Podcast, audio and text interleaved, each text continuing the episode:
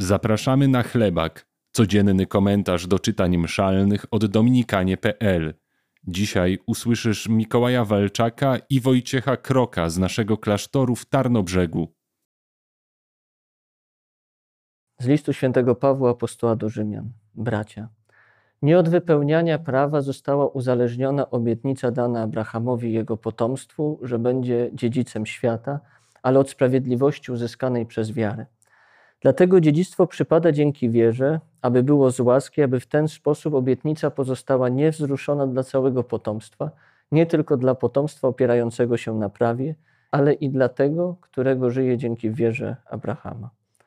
On to jest ojcem nas wszystkich, jak jest napisane: Uczyniłem cię ojcem wielu narodów przed obliczem Boga.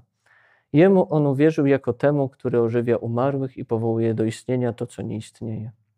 On to wbrew nadziei uwierzył nadziei, że stanie się ojcem wielu narodów, zgodnie z tym, co było powiedziane.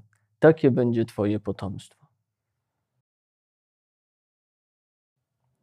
Usłyszeliśmy już od świętego Pawła, że to Pan Jezus usprawiedliwia, że to Pan Jezus zbawia. Usłyszeliśmy też o tym, że żeby przyjąć to usprawiedliwienie, żeby przyjąć to zbawienie, musimy przyjąć Pana Jezusa jako naszego Pana i jako naszego Zbawiciela.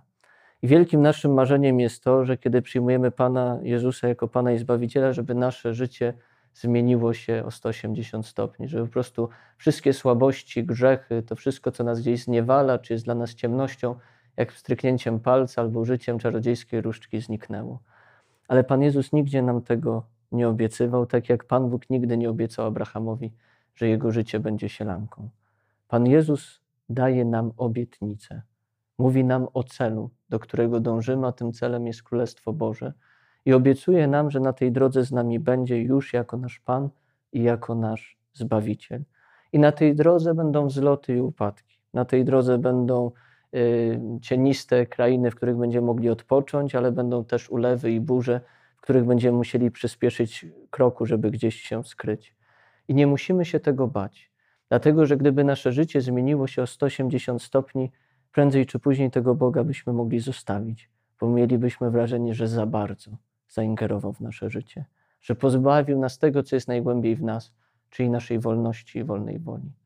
Pan Jezus nie przychodzi zmieniać naszego życia yy, tak o 180 stopni, ale przychodzi, żebyśmy w naszym życiu, które jest tu i teraz, odkryli, że On był, jest i będzie.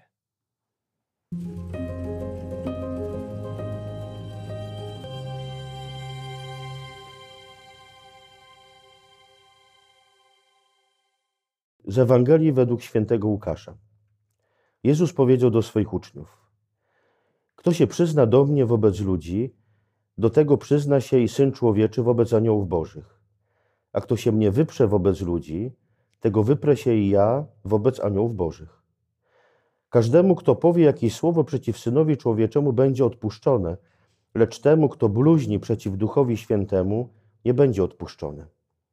Kiedy was ciągnąć będą po synagogach, urzędach i władzach, nie martwcie się, w jaki sposób albo czym macie się bronić lub co mówić, bo Duch Święty pouczy was w tej właśnie godzinie, co należy powiedzieć. Y, przyszło żyć nam w takich czasach, że coraz trudniej czasami przyznać się do Pana Jezusa, do wiary, bo boimy się, że ktoś nas wyśmieje, nie zrozumie, może nawet i zwolni z pracy z tego powodu. Może dzieje się też tak dlatego i tej odwagi nam brakuje, że chrześcijaństwo jest ciągle takim dodatkiem do naszego życia, a nie całym naszym życiem. Bo jeśli jest, Jezus jest całym moim życiem, to jestem dumny z tego, że wierzę, nawet jeśli inni, nie daj Boże, od Niego odchodzą. Na ile Jezus jest tylko taką piękną naklejką, którą sobie naklejasz na życie, a na ile prawdziwie Twoim Bogiem i Zbawicielem. Gdyby nie wsparcie naszych patronów, ta seria nie mogłaby powstać. Dziękujemy.